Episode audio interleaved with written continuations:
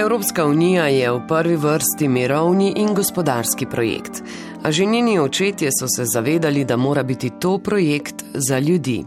Da bi blažili nacionalistične in protekcionistične težnje, so že v rimski pogodbi pred 60 leti zasnovali tudi Evropski socialni sklad. Ta je milijonom evropejcev pomagal pri iskanju službe, ob globalizaciji, staranju prebivalstva in usponu populizma pa le še pridobiva na pomenu. A sredstva sklada so omejena, s tem pa tudi učinki. Evropski socialni sklad nam celovito z evropske ravni predstavlja naša bruselska dopisnica Erika Štular.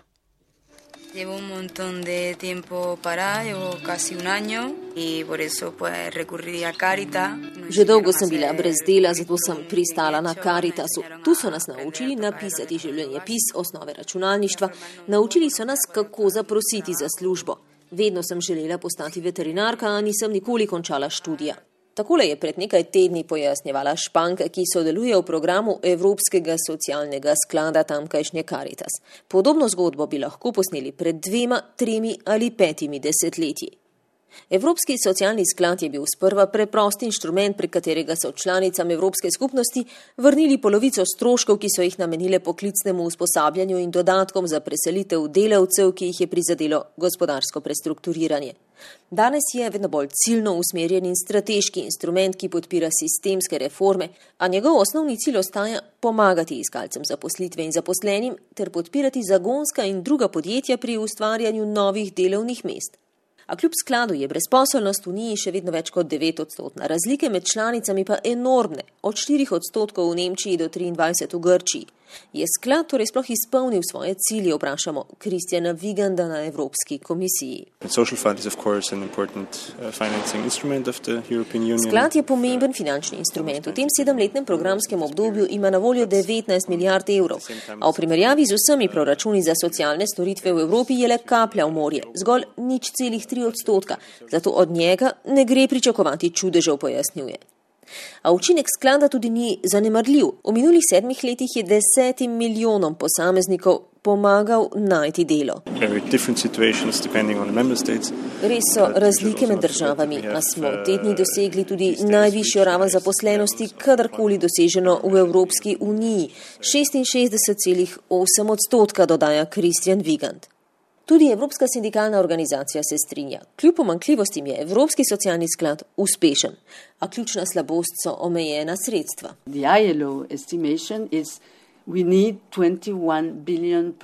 Po podatkih mednarodne organizacije za delo bi samo za odpravo brezposelnosti med mladimi potrebovali 21 milijard evrov na leto.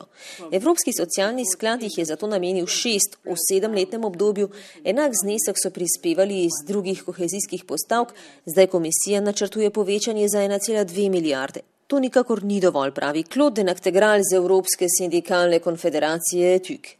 V prihodnjem programskem obdobju po letu 2020 ETUK zahteva, da za socialni sklad namenijo 30 odstotkov vseh kohezijskih sredstev. A kakšen sploh bo novi evropski proračunski okvir po brexitu in katere politike bo financiral, bo še predmet trdih pogajanj. Ta se letos sploh še ne bodo začela. In države članice EU imajo glede tega zelo različne poglede in interese. Ne na zadnje iz sklada tudi dobijo zelo različne vsote. V absolutnih številkah so v tem programskem obdobju največje prejemnice Poljska s 13 milijardami evrov, Italija s 10, ter Španija, Portugalska in Nemčija s po 7,5 milijarde. A realnejša je primerjava glede na število prebivalcev. Ta kaže, da so največje prejemnice Portugalska, Mačarska, Estonija, Slovaška, Litva in Hrvaška. Na sedmem mestu pa je Slovenija. Slovenija ima manjšo brezposelnost od evropskega povprečja, po koriščenju sredstev sklada je nad povprečjem. Čeprav bo Evropski socialni sklad še vedno predvsem pomagal ljudem dobiti delo in ustvarjati nova delovna mesta, pa so pred njim tudi novi izzivi. Več pozornosti zdaj namenjamo integraciji, predvsem v državah, ki so sprejele veliko beguncev. Podpiramo države pri prilagajanju spremembam, ki jih na trg dela prinašajo globalizacija in tehnološke spremembe. Sklad bo pomembno orodje tudi pri graditvi socialnega stebra Evropske unije, pojasnjuje Kristjan Vigand. Osredotočanje na odziv na globalizacijo in staranje prebivalstva, pa tudi na krepitev sistemov socialne zaščite, je ključno tudi za sindikate. Če se Evropa želi otresti populizma, mora dokazati, da se ne bori le za kapital. Je denarna unija, je gospodarska unija, ni pa socialna unija. To še vedno manjka. Socialni stebr unije je šele načrt brez prave vsebine, povdarja Claude Denactegral. Pri tem je ključno tudi, da EU podpre graditev zmogljivosti socialnih partnerjev in socialni dialog. Za te namene bi morali prihodnje nameniti vsaj dva odstotka sredstev socialnega sklada, so prepričani v sindikalni konfederaciji.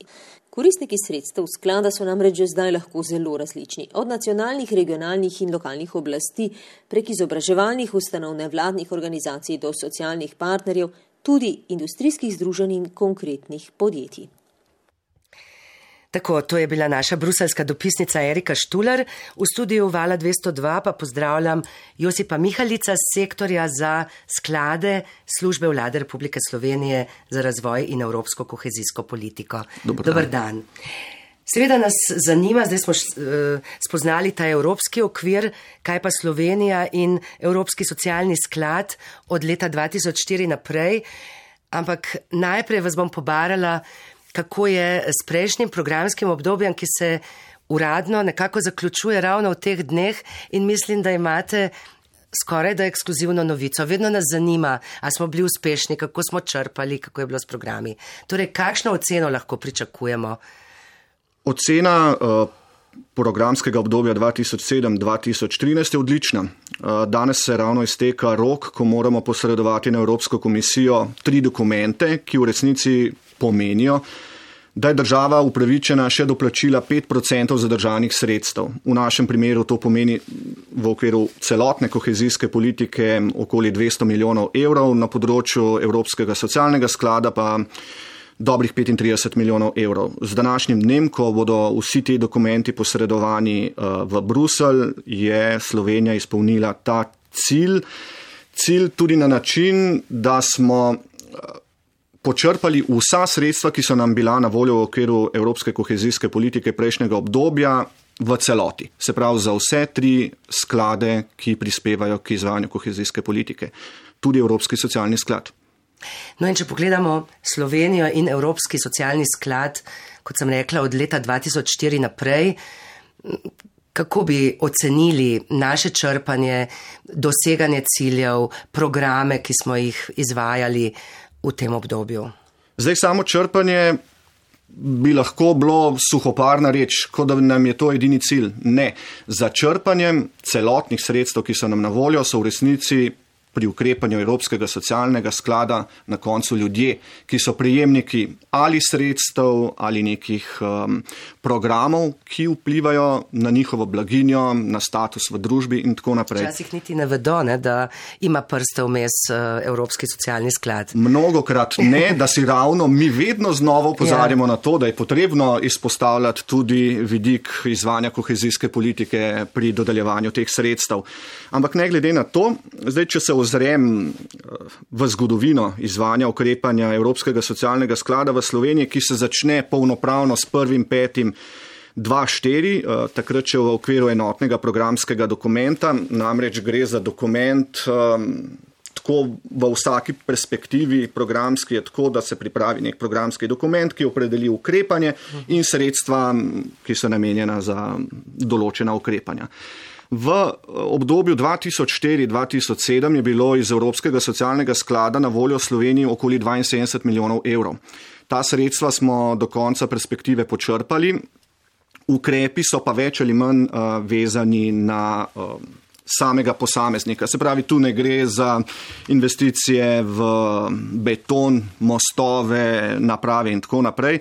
Ključna prioriteta v tem delu je bila znanje, razvoj človeških verov in zaposlovanje. Imate tudi vi morda kakšne približne ocene, koliko ljudem recimo se je pomagalo uh, s ja. temi programi v, v Sloveniji. Ja. Zdaj, če gremo samo na to programsko obdobje 2004-2006 in bo zanimivo uh. -huh. pol v primerjavi z naprej, uh, je bilo vključenih v vse programe, ki smo jih izvali, več kot 104 tisoč posameznikov uh -huh. uh, z sredstvi, ki so bila na voljo. Zdaj, kmalu, že med izvanjem te finančne perspektive 4.6, smo mi že programirali tudi naslednjo program, programsko obdobje za 2007-2013. Tu nas je morda vodilo tudi um, ali pa vodila kakšna izkušnja drugih držav članic. Recimo, vem, da smo takrat hodili um, na usposabljanje izobraževanje, eno izmed takih je bilo tudi na Irskem, kjer smo povprašali naše kolege na Irskem, po njihovih izkušnjah izvajanja kohezijske politike in kaj se jim zdi najpomembneje. In na koncu so dodali, najpomembneje je ulaganje v ljudi. To je bilo tudi eden od mota pri programiranju prejšnjega programskega obdobja. Zanimivo, če je bilo v 2004-2006 na voljo 72 milijonov evrov, je bilo že v perspektivi 2007-2013 uh, na voljo okoli 756 milijonov evrov, se pravi skoraj desetkrat več po, po obsegu. Zdaj, eh, tudi ta finančna perspektiva, o kateri sem govoril, se je zaključila. Bilo je pa vključenih v samo ukrepanje tega uh, sklada v prejšnjem obdobju okoli 850 tisoč posameznikov. Se pravi, to je zdaj primerjava s tistim, kar se je dogajalo v 2004-2006. Zdaj seveda smo pa že v obdobju 2014-2020, ko se ukrepi seveda že tudi izvajajo. No, ko govorimo o evropskih sredstvih, Pogosto, se pogosto sprašujemo tudi, kako se ravna s tem denarjem, racionalno, pošteno, v skladu s pravili. V tej verigi je veliko nadzornikov, v primerih sumov kaznjivih dejanj pa seveda zraven stopi tudi policija.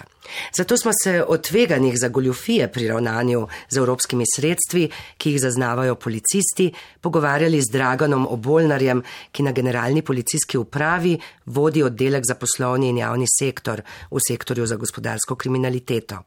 Kaznivo dejanje goljufije na škodo Evropske unije je bilo v kazenski zakonik uvrščeno leta 2008. Dragan Obolnar.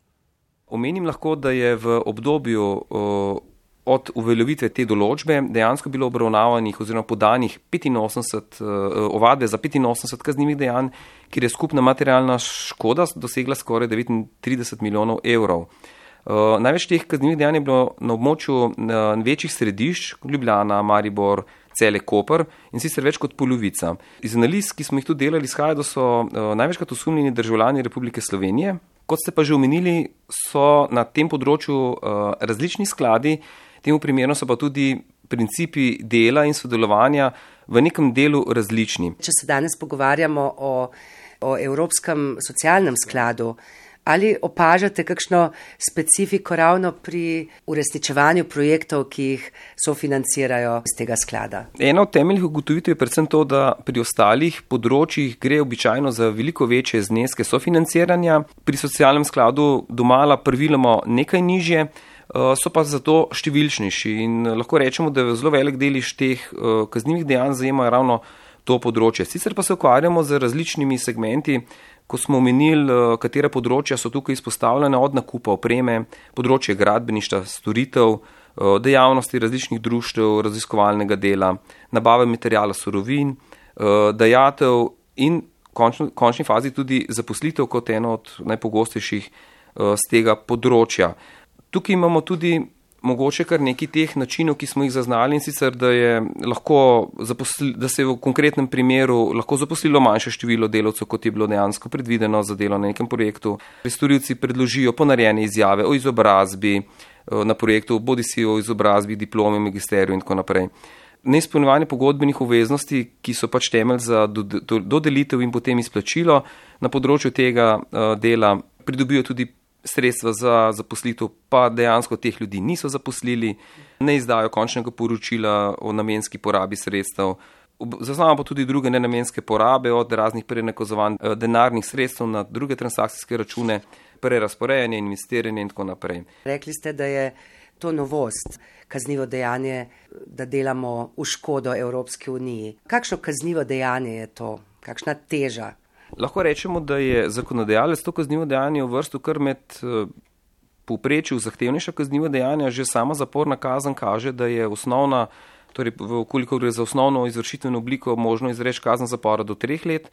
V primeru, da pa presega ta znesek 50 eh, tisoč evrov, pa je možno izreči kazen zapora tudi do osmih let. Lahko za to dejanje odgovarja tudi tisti, ki je pač v nekem subjektu odgovoren za sprejemanje odločitev tudi če ne prepreči ali celo omogoči to kaznivo dejanje. Tudi uh, to je specifika pri tem kaznivem dejanju. Sicer se pa lahko na tem področju pojavljajo še določena druga kazniva dejanja, kot različne oblike ponarejanj in tudi ostale osnovne oblike goljufij, kot so kaznivo dejanje goljufije ali poslovne goljufije. Vsi mi, ki smo tukaj v luči uh, institucij, ki moramo zaznavati in odkrivati kaznivo dejanja, moramo vlagati napore v tem področju tudi v uh, smislu odkrivanja, zaznavanja teh kaznivih dejanj in preprečevanja morebitnih škod. Spravi, da je stanje nekako, kot ga pač jaz razumem, uh, tako, da vsak, ki ga zasrbijo prsti pri evropskih sredstvih, ve, da je veliko oči, ki bdijo nad tem denarjem. Srčno upam, da je tako. Josip Mihalic, eh, službe vlade za razvoj in evropsko kohezijsko politiko, tudi vaše oči, ne, bdijo uh, nad tistimi, ki nekako realizirajo evropske projekte. Ja, mehanizmi kontroli nadzora v izvajanju kohezijske politike so res razvejani. Včasih nas ravno s tem v zvezi označujejo za velike birokrate, ker da se pritirava z vsemi nadzornimi mehanizmi. Se pravi, tako na ravni naše službe, na ravni urada za nadzor proračuna, pa računskega sodišča, pa Evropskega računskega sodišča, pa revizorjev Evropske komisije. Se pravi, vse to so neki um, organi, ki lahko preverjajo izvajanje ukrepov. Seveda bi lagal, če ne bi rekel, da tudi sam ne poznam ali pa nisem bil seznanjen, uh, se, smo slišali, kateri primeri so tudi uh, na mizi bili pri uh, gospodu z policijske uprave, da nepravilnosti ne obstajajo. Vendar je pa teh bom rekel, zanemarljivo malo, oziroma so to izjeme, ki ne smejo pokvariti, um, bom rekel, splošne slike o uspehih, ki jih kohezijska politika kot taka uh, dosega. No, ravno Evropski socialni sklad, kjer potekajo tako imenovani mehki programi, ne? se pravi, tu ni mostov, tu ni graden, tu se vlaga v človeka. Ne? Težko je pokazati tudi uh, takoj uh, ne? neko prijemljiv dosežen cilj. Um, spraševala sem vas, koliko je kreativnosti, inovativnosti pri programih na tem področju. Pa vam bom povedala en primer in bi vas prosila za kratek komentar, preden se posloviva. Uh, recimo imamo brezposelno osebo, ki si zelo želi opraviti strokovni izpit, ker bi s tem pridobila veliko večje možnosti za svojo zaposljivost, ne, da se lažje zaposli. Um, zavod ti pove, da denarja za to ni, jo pa trikrat pošlje na tečaj za pisanje prošen na razpise za delovna mesta. Zdaj, uh, vsi ukrepi, seveda, zavoda niso povezani z izvajanjem kohezijske politike. Tak primer, no, pisanje gotov, prošen ja, je. Zdaj, um, inovativnost, um, recimo na mikro. Pa fleksibilnost, no, to, tu bi bolj to sodilo. Zdaj, v našem primeru, recimo v, za novo finančno perspektivo, ključna usmeritev ali pa dodaten povdarik je ravno področje spodbujanja socialnega vključevanja in boja proti revščini. Tu so seveda vključene razne ranljive skupine, ki so obravnavanje v okviru ukrepanja.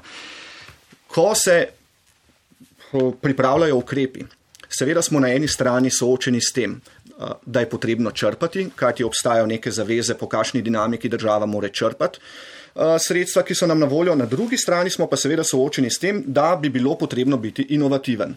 In vedno je resnica nekje vmes. Da si lahko, da lahko črpaš, moraš dobro prakso, ki je bila uvedena predtem, recimo izvajati tudi naprej. Počasi stvari počasi se pravi, to bom no, rekel, to da je iz perspektivo, stvar, v perspektivo se spremenilo. Da bi se človeku pomagalo, ne?